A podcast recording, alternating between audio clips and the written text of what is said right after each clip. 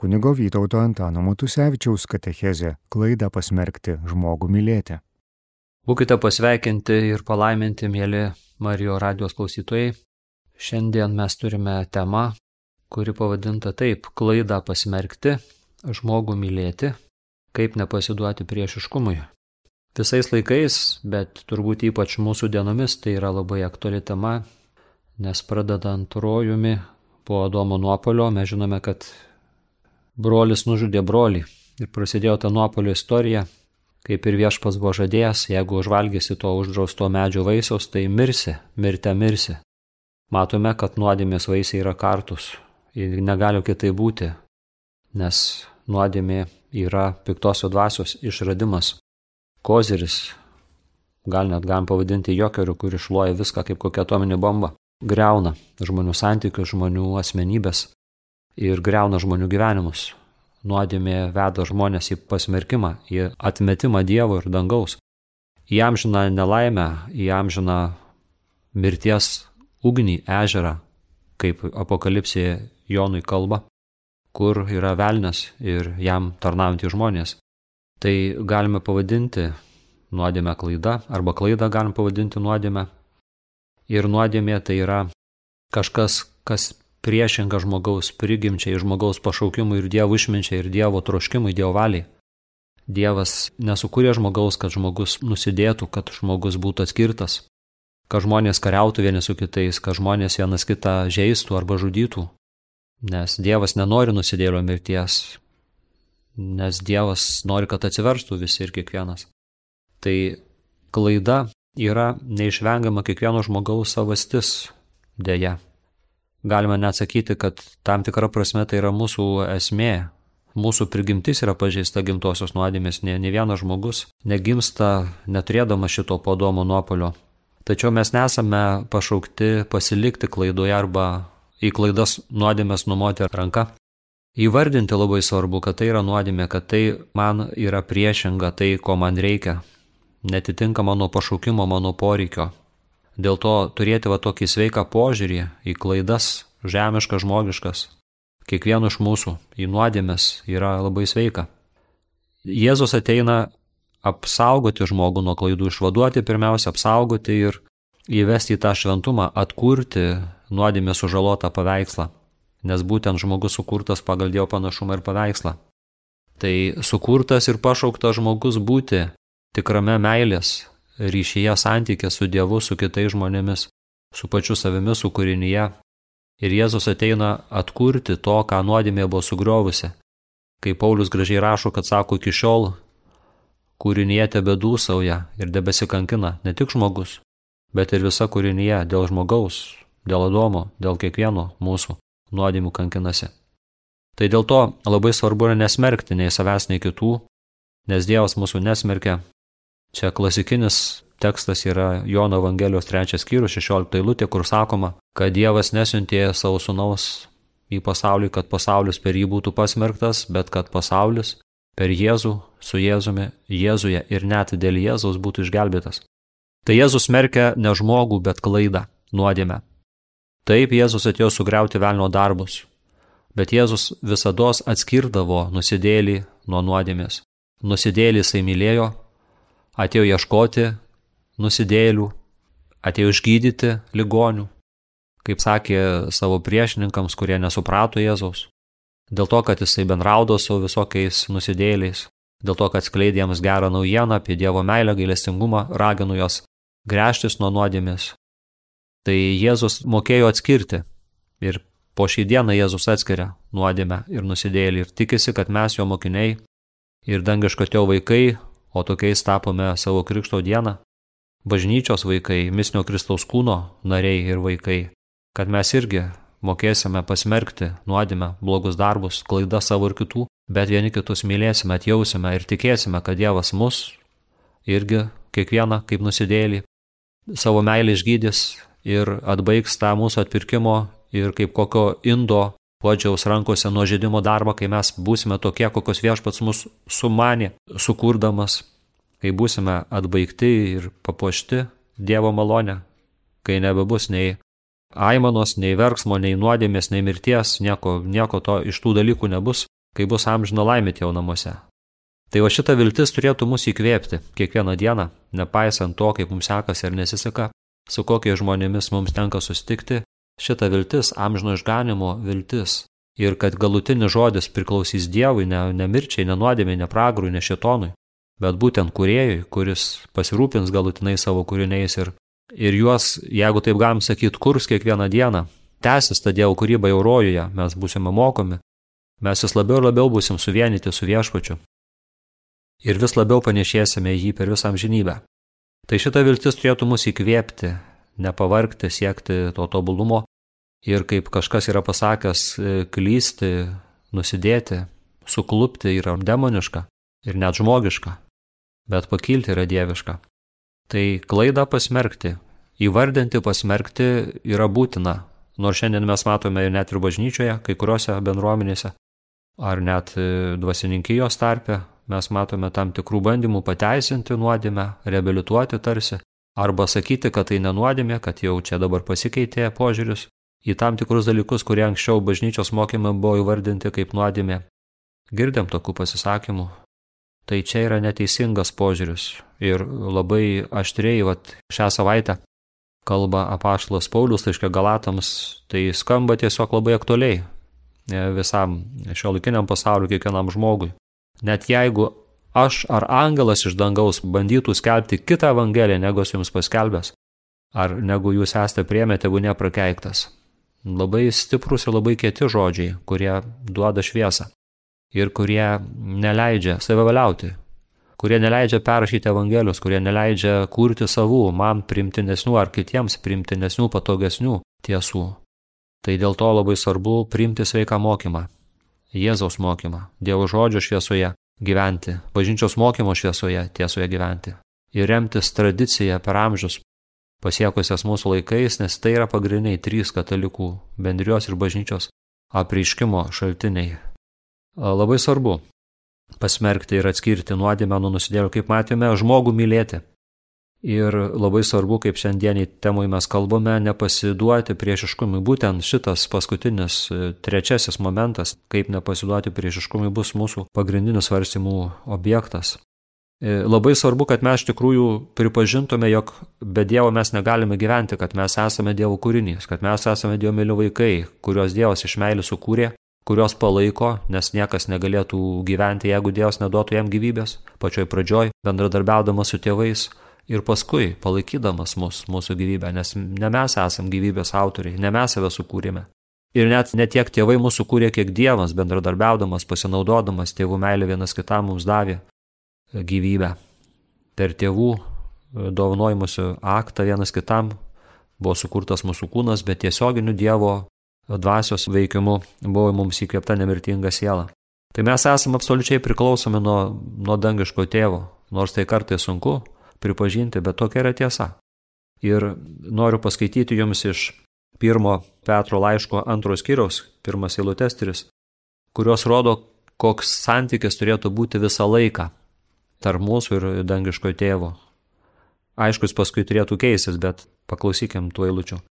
Atmetę visokią blogybę, visokią klastą, veidmainystės, pavyduliavimus ir visokias apkalbas, lyg naujagimiai trokškite dvasinio netmešto pieno, kad nuo jo auktumėte išganimui, jei esate patyrę, koks meilus yra viešpats. Tai čia kalbam apie tai, kad mes neturėtume nei smerkti, nei apkalbėti, nei teisti, nei kariauti su žmonėmis, su kūnu ar krauju, kaip sako Paulius laiškė feziečiams, bet mes turėtume kovoti su nuodėme.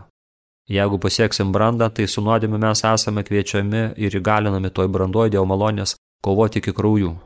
Paulius sako, laiškė žydams jums dar neteko iki kraujų priešintis grūminti su nuodėme. Tai vad mūsų priešai yra du nuodėmė ir šetonas. Ir šiems dviems priešams mes turime paskelbti karą ir taikos paliaubų šitoje dvasinė kovai negali būti. Ir jeigu mes būsime kaip tie naujagimiai, kurie trokšime neatmiešto, kaip Petras sako, dvasinio netmiešto pieno, kad galėtume aukti išganimui, jeigu mūsų pagrindinis troškimas ir pagrindinis siekis, tikslas bus gerti tą pieną iš bažnyčios motinos krūtų ir mes jeigu maitinsimės, tai mes ir auksime iš galimo. Paskui jau mes, kada pasieksime tam tikrą brandą, mes galėsime tada valgyti jau kietesnį maistą. Bet pačioj pradžioj žmogui reikia, kaip ir kūdikiui, taip ir dvasiniam žmogui reikia gauti tą sveiką maistą.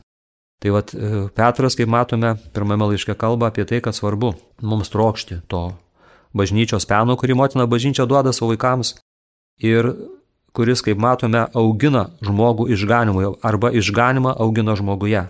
Tačiau tokia sąlyga yra čia. Jeigu pastebėjot, jeigu esate patyrę, koks meilus yra viešpats, tai auga išganimu ir išganimą augina savietas, kuris patyrė viešpaties meilumą arba meilę, Dievo meilę patyrė. Labai svarbu yra patirti žmogų, išgyventi Dievo meilę, nes žmogus yra patirtinė būtybė. Kaip kažkada labai teisingai pastebėjo viena religijos studijų ekspertė Eglė Laumenskaitė. Žmogus yra patirtinė būtybė ir svarbu tą patirtį gražią žmogui turėti santykių su kitais žmonėmis ir labai svarbu turėti tą gražią patirtį, dieviškos meilės malonės patirtį, santykių su Dievu. Tai tada išganimas gali skleistis. O jeigu žmogus neturi tos meilės patirties, nėra patyręs, arba per mažai patyręs meilės iš Dievo ir iš žmonių, tai tada žmogus negali gyventi, jis negali skleistis kaip žmogus. Nei emociškai, nei turbūt intelektualiai, nei, nei fiziškai jisai nėra, nėra įgalus iš tikrųjų tapti brandžią asmenybę. Ir tikrovė, kurioje mes gyvename, visa žmonės istorijos tikrovė rodo, kad e, visais laikais ir visais amžiais buvo daugybė karų, daugybė konfliktų. Jau Kainas ir Abelis, kaip matome, turėjo konfliktą. Abelis buvo doras, aukojo viešpačiui primtiną auką, o Kainas pavydėjo broliui, e, neaukojo tai, ką turėjo geriausia. Ir dėl to pavydo, kad Dievas priemė Abelio atnašą, o jo Kaino nepriemė, jisai ištiko savo brolį ir nužudė. Taip ir visa žmonijos istorija kaip raudonas siūlas eina šitas priešiškumas, šitas konfliktas, kuris kyla dėl to, kad kažko žmogus, na, neturi, ir pavydė dėl to, kad kitas tai turi. E, nuodėmė tai nenoras pripažinti, kad man reikia keisti kažką požiūrį, santykį, e, širdį, išgyti. Ir būtent nepripažindamas žmogus, kad man reikia tos meilės patirties, šiek tiek ir be savo kalties, nes jeigu per mažai gal meilės, tai jis ir negali mylėti, taip kaip yra pašauktas.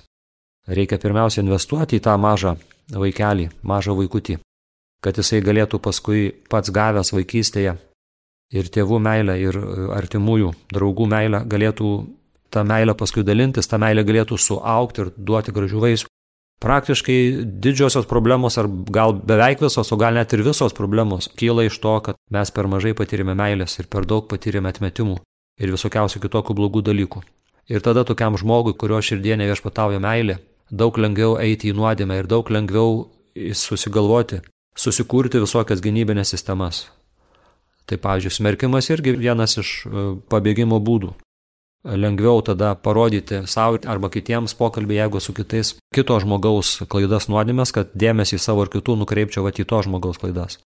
Tai, tai yra neveiksminga, tai net yra pragaištinga, nes uždaro tokiam užburtam rate ir smergdamas, neprimdamas kito, į kitą žvelgdamas kaip į priešininką arba žmogų laikydamas savo problemų šaltiniu arba pagrindiniu kaltininku, darydamas jį atpirkimo ožiu iš tikrųjų ir tą žmogų įtraukti į tą užburtą ratą, tą klavitę ar tą labirintą, iš kurio šiaip jau nėra išeimo ir pats užsidarau tokiam užburtam rate. Ir perlaužti tą ratą gali tik tai vienas Dievas, bet ne be bendradarbiavimo su mumis. Dėl to labai svarbu yra pripažinti, kad man reikia viešpaties išlaisvinimo, išgydymo, nes, kaip sako apaštalas Paulius, visi nusidėjo ir stokoja Dievo garbės. Ir apie tai kalba apaštalas Petras jau antrame laiške, pirmame skyriuje, kurį mes čia bandysime labiau paskaityti, panagrinėti. Tai pirmos eilutės jisai e, sako, linkėdamas panašiai kaip ir turbūt visi tuo metu laiškų rašytojai, linki bendruomeniai malonės ir ramybės. Ir malonė ir ramybė te gausėja jums su Dievo ir mūsų viešpaties Jėzaus pažinimu. Matome ta pati linija, ta pati mintis. Patyrimas, pažinimas, tai galim sakyti sinonimai. Dievo pažinimas tikras, Dievo meilės pažinimas, tai yra tikroji patirtis, kuri, kaip matome, duoda žmogui ir malonę, ir ramybę. Pažindamas Dievą žmogus nurimsta, priimdamas Dievą, patirdamas jo meilę žmogus nurimsta, žmogus tampa laisvas, žmogus tampa laimingas. Tai dėl to ir Paulius apie tai rašo, ir Jonas, kuris netgi sako, kad amžinasis gyvenimas tai yra pažinti tave, tėvę ir tavo siūstą Jėzų Mesiją. Būtent e, aukščiausio kunigo maldoje Jono Evangelijos 17 skyriuje apie tai kalbama ir bendrai Naujasis testamentas apaštalų laiškai kalba apie tai, kad mes esame kviečiami pažinti viešpatį, daryti pažangą ir vis geriau ir geriau pažinti. Net apaštalas Paulius meldžia laiškė filipiečiams, kad pažintumėt, labiau pažintumėt tą savo pašaukimą ir savo išrinktumą, kad jūsų meilė auktų, pažinimu ir visokiojo išmanimu, jeigu konkrečiai. Tai toliau apaštas Petras savo antrame laiške pirmam skyriui kalba apie tai, kad ta dieviška galybė padovanoja mums visą, kas praverčia gyvenimui ir maldingumui ir vėl pažinimu to, kuris pašaukė mus savo šlovę ir jėga. Mus pašaukė per krikštą, padarydamas Dievo vaikais. Ir drauge jis dovanoja mus ir kilnius brangius bei didžius pažadus, kad per juos taptumėte dieviškos prigimties dalininkais, pabėgę nuo sugėdimo, kuris kleidžia pasaulio gėduliai. Tai, kaip matome, daugelis žmonių bėga nuo Dievo, kai kurie samoningai, kai kurie nesamoningai. Kiekvienas iš mūsų, jeigu taip atvirai kalbant, savikritiškai e, ir nuolankiai, kiekvienas iš mūsų bėgame nuo Dievo, nes bijome. Nes galvojame, kad Dievas gali iš mūsų kažką tai atimti, kas mums yra labai galbūt net gyvybiškai svarbu. Arba mes kiekvienas turbūt galvojame, kad Dievas pradės iš mūsų kažko reikalauti, ko mes nenorėsime atiduoti. Ir visa tai tokios baimės, tokie neteisingi Dievo supratimai, neteisingi Dievo įvaizdžiai. Ir tas Dievo bėgimas, tas Dievo bėgimo mechanizmas, bėgimas iš Jeruzalės kaip Emauso mokinių atveju, kuris yra kaip simbolis kiekvieno žmogaus, kuris bėga nuo Dievo, kuris bėga, bėga iš Jeruzalės, yra pragaištingas. Mes turėtume, kaip Petras sako, bėgti nuo sugėdimo, nuo nuodėmės, kurias kleidžia tą sugėdimą, tą nuodėmę kaip nuodus, kaip kokias dėmes, kurios e, dėmėm nusėja mūsų kūną, mūsų sielą, mūsų dvasę, mūsų širdį. Tai va tie gaiduliai arba tos nuodėmės, jie iš tikrųjų mus veda į tą susvetimėjimą, skaldo mus, žmogų, kūną, sielą ir dvasę atskiria. Skaldo patį žmogų kaip asmenybę, skaldo žmonių santykius, bendruomenės ir skaldo žmogaus santykius su viešpačiu Dievu. Tai tikrai ne iš Dievo, tai tikrai ne iš dangaus, tai tikrai yra demoniškos kilmės motina, nuodėmė šitai gimdo žmoguje. Tai Petras sako, pabėkite nuo visų tų dalykų. Ir jūs per krikštą tapote dieviškos prigimties dalininkais. Bet vėlgi, ta dievo prigimtis gali, kaip ir tam Jėzaus palyginimą apie sėję, kuris sėjo grūdus ir kurie nukrito tarp erškiečių. Tai va ta, ta malonė, ta dievo tikėjimo, vilties ir meilės sėklelė, kurią pasėjo šventoje dvasia per bažnyčią krikšto metu, jinai gali būti visokių tų gaidulių, to pasaulio nustelbta ir žmonės tada ne, nepajėgus duoti to vaisiaus. E, žmogus per nuodėmę atsiskiria nuo Dievo, nuo kitų žmonių, nuo bažnyčios, nuo bendruomenės. Ir kaip ta šakelė Jėzaus palyginime apie vynmedį ir šakeles 15 Jono skyriuje, atsiskyrusi šakelė nuo kamieno, nuo vynmedžio negali duoti vaisiaus. Tai vad krikštas žmoguje lieka tarsi sustabdytas, tarsi nepaleistas, jeigu technologiškai kalbėsime. Ir dėl to žmogui labai svarbu atsigręžti, atsiversti ir bėgti į tėvo glėbį, kaip sūnus paklydėlis, grįžti atgal pas tėvą, nes mano tėvo namuose samdiniai geriau gyvena negu aš, to šeimininko, to tėvo sūnus, kuris yra Dievas. Ir tai daryti kiekvieną dieną, ir tai daryti netgi kiekvieną akimirką, nes e, mes psalmėje kalbame arba gėdame vaikščiose, aš akivaizdu į Dievo, pasaulį tarpę gyvųjų.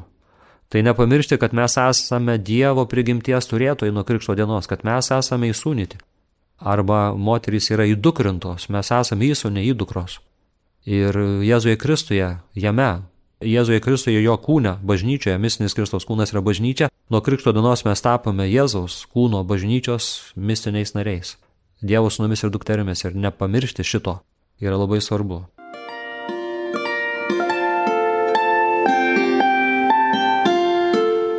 Jūs girdite Marijos radiją.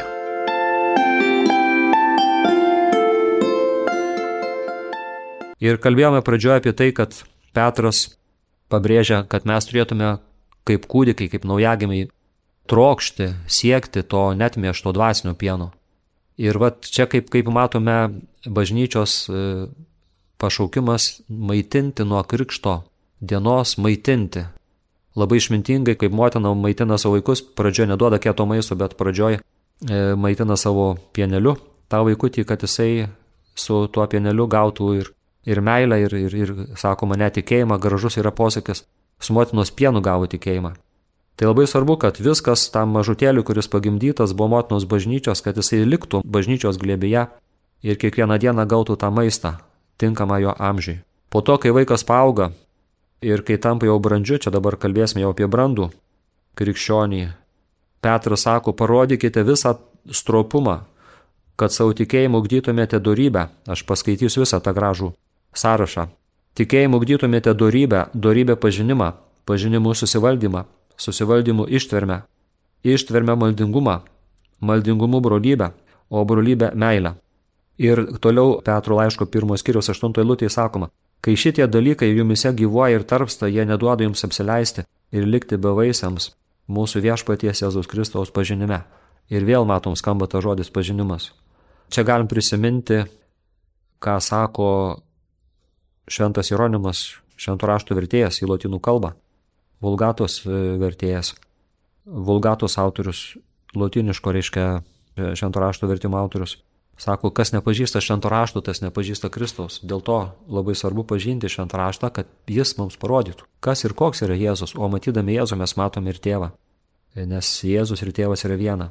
Tai vad tie žmonės, kurie vat, pasiekia šitą brandą, kurie šitas vertybės, kurias čia Petras įvardina, e, praktikuoja, jų siekia, ir diena iš dienos tengiasi jomis gyventi, jas, jas įgyvendinti, tai tie pasiekia brandą ir duoda vaisių. Ir, kaip matome, žmogus tada negali apsileisti, neduoda tie dalykai čia įvardinti apsileisiu žmogui, jis nepadaro apsileidimo nuodėmių ir neša vaisius ir nelieka bevaisis mūsų viešpaties Jėzaus Kristaus pažinimu. Reiškia, pažinti viešpatį yra pagrindinis daiktas, pagrindinis dalykas, net amžinasis gyvenimas, kaip matėme, Jonas apie tai kalba. Na ir čia sako Petras, parodykite visą stropumą. Ir galime prisiminti, kad mūsų pagrindinis pašaukimas, pagrindinė Dievo valia, tai yra būtent, kad mes mylėtume Dievą visom jėgom, visą savo sybę. Kad Dievas būtų mūsų pagrindinis meilės objektas, ne kažkas kitas, ne žmogus, ne veikla, ne daiktai, ne kūrinyje, ne aš pats, ne, ne, ne dar koks žmogus, bet pirmiausia, kad mylėčiau visą esybę viešpatį Dievą. Ir kad mylėčiau kiekvieną žmogų artimą savo ir kad mylėčiau save tvarkingai, teisingai pagal Dievo mintį. Tai meilės įsakymas, jis yra pagrindinis. Pagrindinis Dievo įsakymas, pagrindinė Dievo valia, pagrindinis Dievo troškimas, pagrindinis mūsų poreikis, mūsų pašaukimas. Todėl Petras tai gerai suprasdamas, sako, parodykite visą stropumą. Šitame, kad e, savo tikėjimu ugdytumėte darybę. Tikėjimas kyla iš asmeninio santykių su Dievybe, su Dievu.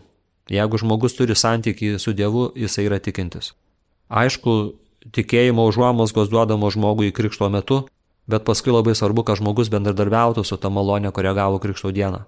Aišku, tikėjimas visuomet yra Dievo malonės dovana, bet be bendradarbiavimo, be žmogaus indėlio tas tikėjimas irgi nyksta, mažėja.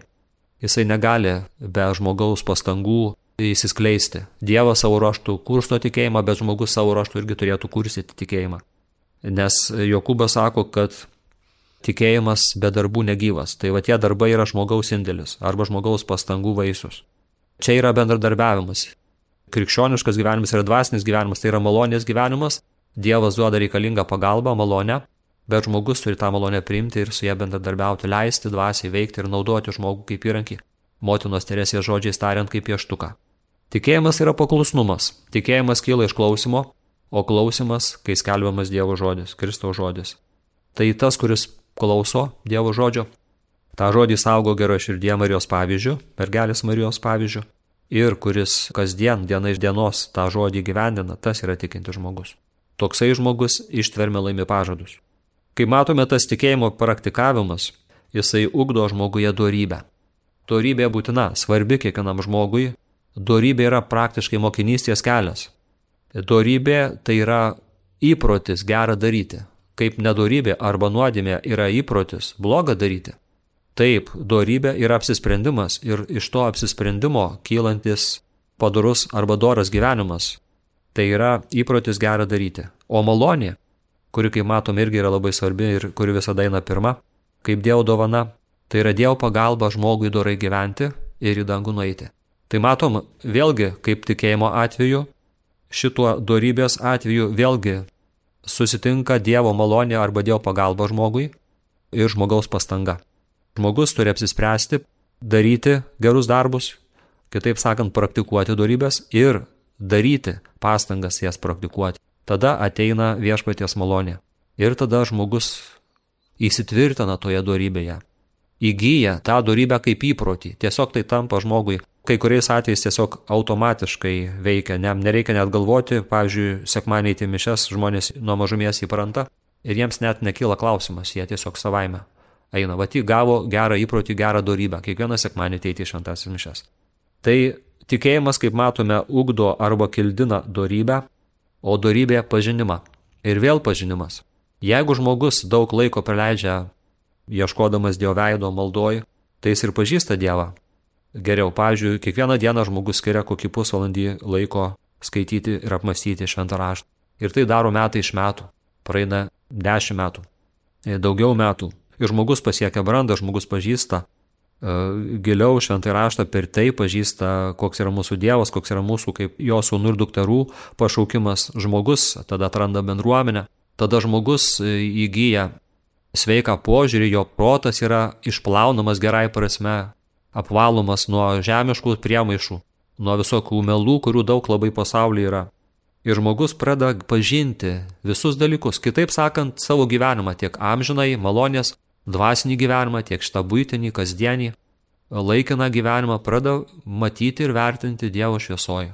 Gauna Dievo išmintį, gauna Dievo išmonę. Šventoji dvasia kai skaito žmogus šventą raštą, jeigu tai daro atvirą nuolankę širdimi, šventoji dvasia per tą Dievo žodį, tai vienas iš būdų, kaip ateina Jėzus į žmogaus gyvenimą, žmogaus širdį. Būtent per švento rašto maldingą skaitimą šventoji dvasia apšviečia žmogaus sieloje, žmogaus protę, žmogaus širdį apšviečia ir parodo į visą Jėzaus grožį. Per šventosios dvasios veikimą žmogus pradeda matyti ir pažinti Jėzų daug giliau negu kitol. Tai tikėjimas veda į dorybę, dorybė veda žmogų į pažinimą, į savo pašaukimo, savo kelių ir Dievo kelių, Dievo asmens, malonės gilesnį pažinimą. Na, o tas pažinimas veda žmogų į susivaldymą, kas irgi labai svarbu, tas santūrumas, nes e, be susivaldymo žmogus negali įgyvendinti savo pašaukimo. Kiek daug reikia susivaldymo šeimos, tėvui, motinai, ypač mažus vaikus auginantiems ir nemigo naktys ir visus planus jaukia vaikučių lygos ir taip toliau. Tai kiek čia reikia pasišventimų, kiek čia kantrybės, kiek čia va, susivaldymo, kiek čia reikia sav, savęs paukojimo.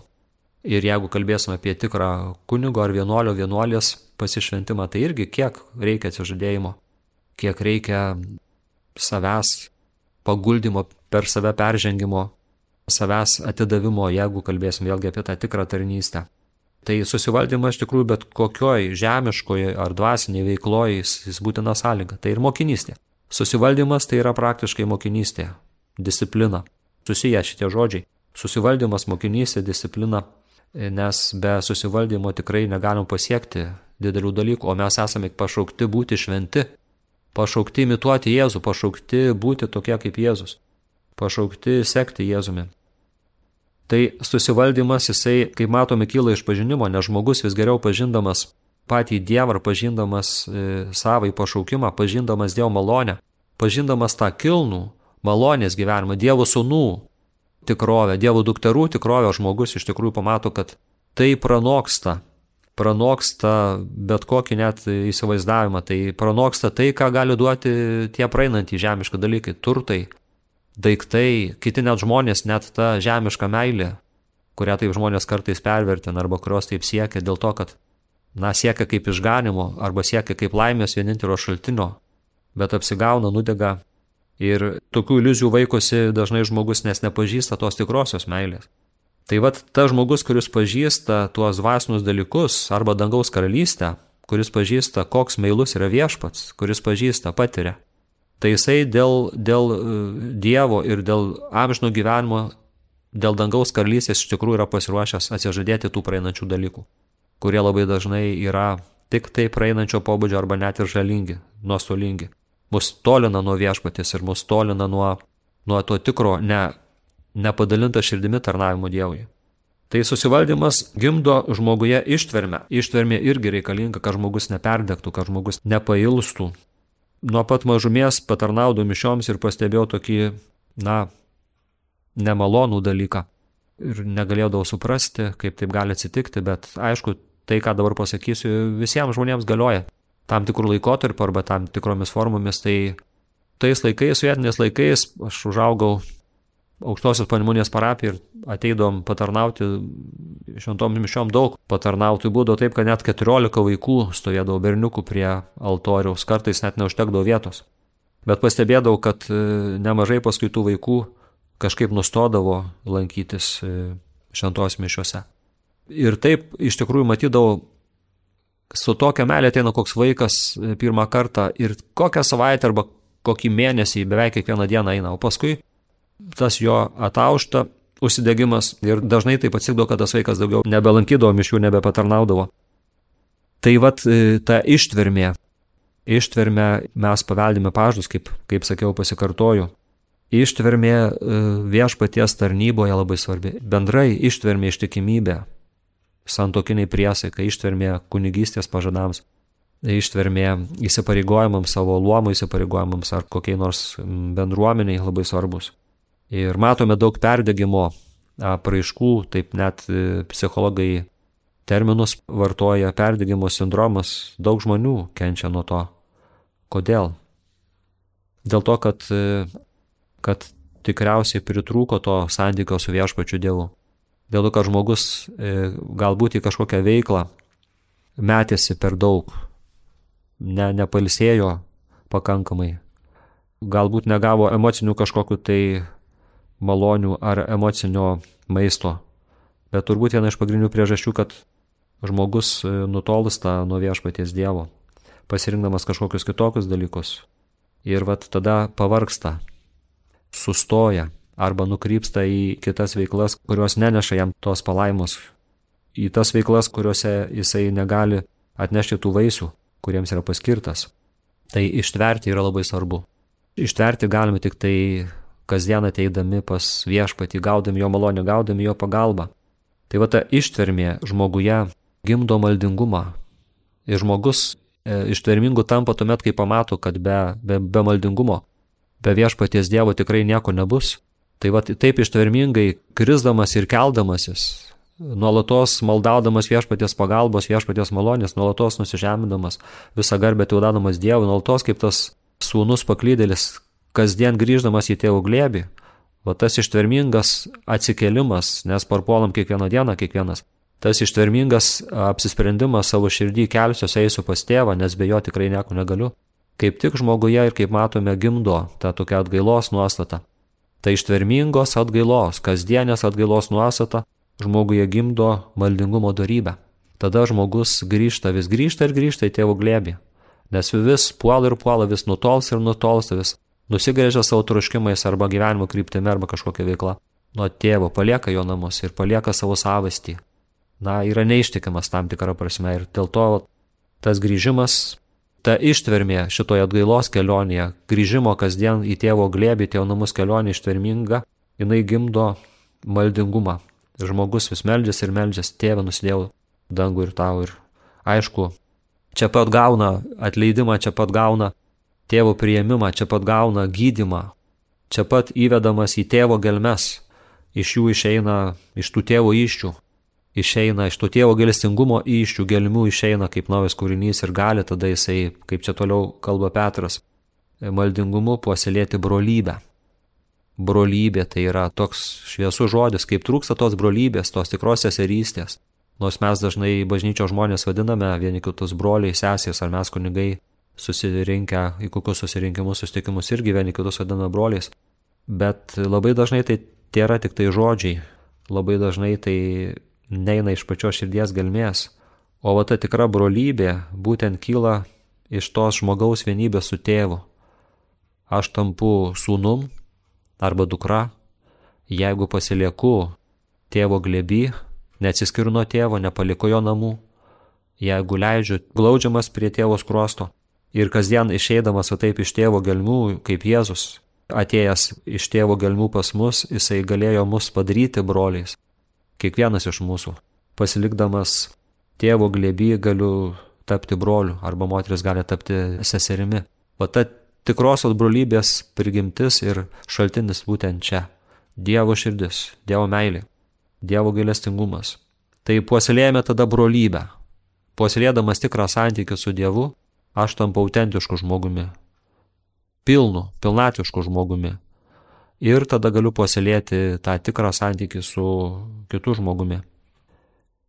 Brolybė skleidžia meilę autentišką meilę, nesaunaudišką meilę. Aš tada nenoriu reikalauti iš kito žmogaus, e, kad jis kažką man duotų, kažką gauti. Nesu vartotojas, bet esu tarnas. Jėzaus pavyzdžiui, moku pasilenkti prie kito žmogaus.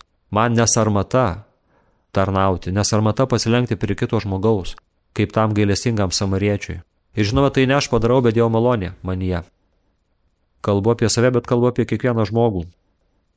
Tai vad kiekvienas iš mūsų esame pakviečiamas ir net įgalinamas tai praktikuoti, taip būti su viešpačiu susijusiais tokiais meilės malonės, e, šventosios dvasios ryšiais, kad e, būdami viešpatie mes tampame vienos širdies ir vienos minties su juo ir su kitais žmonėmis.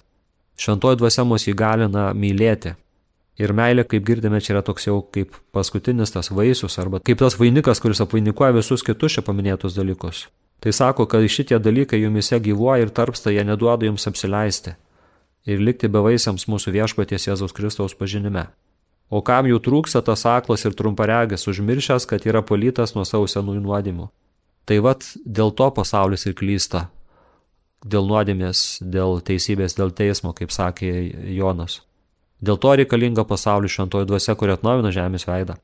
Dėl to reikalinga šventoji dvasia, kuri, kaip matome, duoda žmogui regėjimą, naują išmonę, keičia širdį, apvalo ją nuo nuodėmės, išgydo, nuo priklausomybių išlaisvina, gydo žmogaus širdį, gydo jo santykiai ir tada žmogus, jisai nėra aklas, jisai į viską žvelgia ne tiek šitomis kūno akimis, kiek gyvena ne regėjimu, bet tikėjimu. Kitaip sakant, mato netgi procesus tragiškus karo atvejus, E, skirybas, konfliktus, nesažiningumus, piknaudžiavimus, ar tai valdžios, ar tai kokių e, verslo struktūrų, visokias neteisybės, viską mato ir viską vertina Dievo, daugiau mažiau Dievo šviesoje. Ir geba tada atskirti, kaip kalbėjom pradžioj, gerą ir blogą. Gauna dvasių skirimo dovaną, gali suprasti ne tik išorinės priežastis, bet ir giluminės priežastis, Matyti, kad už viso to dar slypi ir žmogaus nuodėmingumas, žmogaus sužeista prigimtis, kaip pradžioje kalbėjome piktoj dvasia konkrečiai. Ir tada žmogus gali nepasiduoti priešiškumui, bet pakilti į kovą, apginklotas tais meilės šviesos ginklais. Žmogus kerta smūgį, nu, ne tiek pats žmogus, kiek Jėzus, kuriame žmogus pasilieka, meilė, su ją suvienimas ir meilės įgalinamas žmogus, kaip Jėzaus įrankis, kerta smūgį ir nugali su Jėzumi per Jėzų tą blogį gerumu. Jis skleidžia tokiu būdu karalystę, skleidžia priskelimo kvapą ir duoda tą vaisių. Bet kam trūksta va, tokio požiūrių, kam trūksta malonės ryšio, kam trūksta Dievo meilės, tai tas lieka aklas ir trumparegis ir pamiršęs, kad yra palytas nuo savo senųjų nuodėmių ir tada pats eina į, į duobę, krinta ir kitus į tą duobę įveda. Todėl, sako Petras, broliai, Dar toliau stengiatės sutvirtinti savo pašaukimą ir išrinkimą. Vat mes esame pašaukti ir įgalinti nuo Kristaus dienos būti šiais gerosios naujienos kleidėjais, šiais karalystės statytojais, šitais blogio gerumu nugalėtojais, šitais sūnumis ir dukterimis, pilnai to žodžio prasme, tikrai to žodžio prasme. Uoliau stengiatės sutvirtinti savo pašaukimą ir išrinkimą. Tai darydami jūs niekada neapsigausite ir, nuo savęs pridedu nesigailėsite. Šitai dar plačiau atsivers jums vartai jam žinai mūsų viešpaties ir gelbėtų Jėzaus Kristaus karalystę.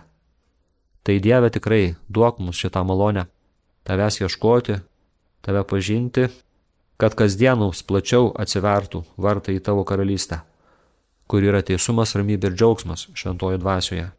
Mergelė Marija, tu esi klusnioji ir nuolankioji viešpaties tarnaitė, padėk ir mums turėti tokią nuostatą būti klusniais, nuolankiais tarnais ir tarnaitėmis.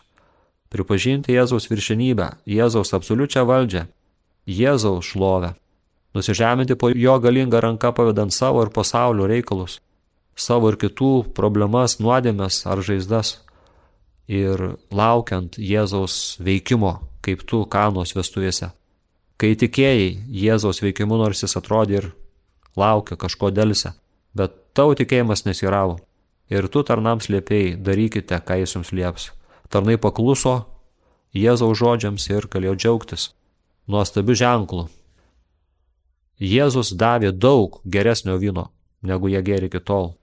Senasis vynas baigėsi, Jėzus duoda gero vyno. Tai Marija padėk mums taip tikėti, kaip tu kanoje. Būti su tavim toje tikėjimo mokykloje. Ištverti, nusižeminti, pripažinti viešpaties valdžią, jo meilę, jo išmintį, jo galę, viską kreipti jam reikalingą linkme ir bendradarbiauti su juo, kasdien ištvermingai aukotis, save atiduoti, nes ir jis paukojo save už mane ir kiekvieną žmogų ir toliau aukojasi mums save duodama žodyje, mums save duodamas ypač eucharistiniais pavydalais. Melsk Marija mums tos prieėmimo širdies, primančio širdies, kad pažinę tavo sūnų Jėzų, pasilikdami jame, galėtume duoti brandžių Dievo sūnų ir Dievo dukterų vertų vaisių Dievo garbiai. Garbėzui Kristui. Girdėjote kunigo Vytauto Antano Matusevičiaus katechezę klaidą pasmerkti žmogų mylėti.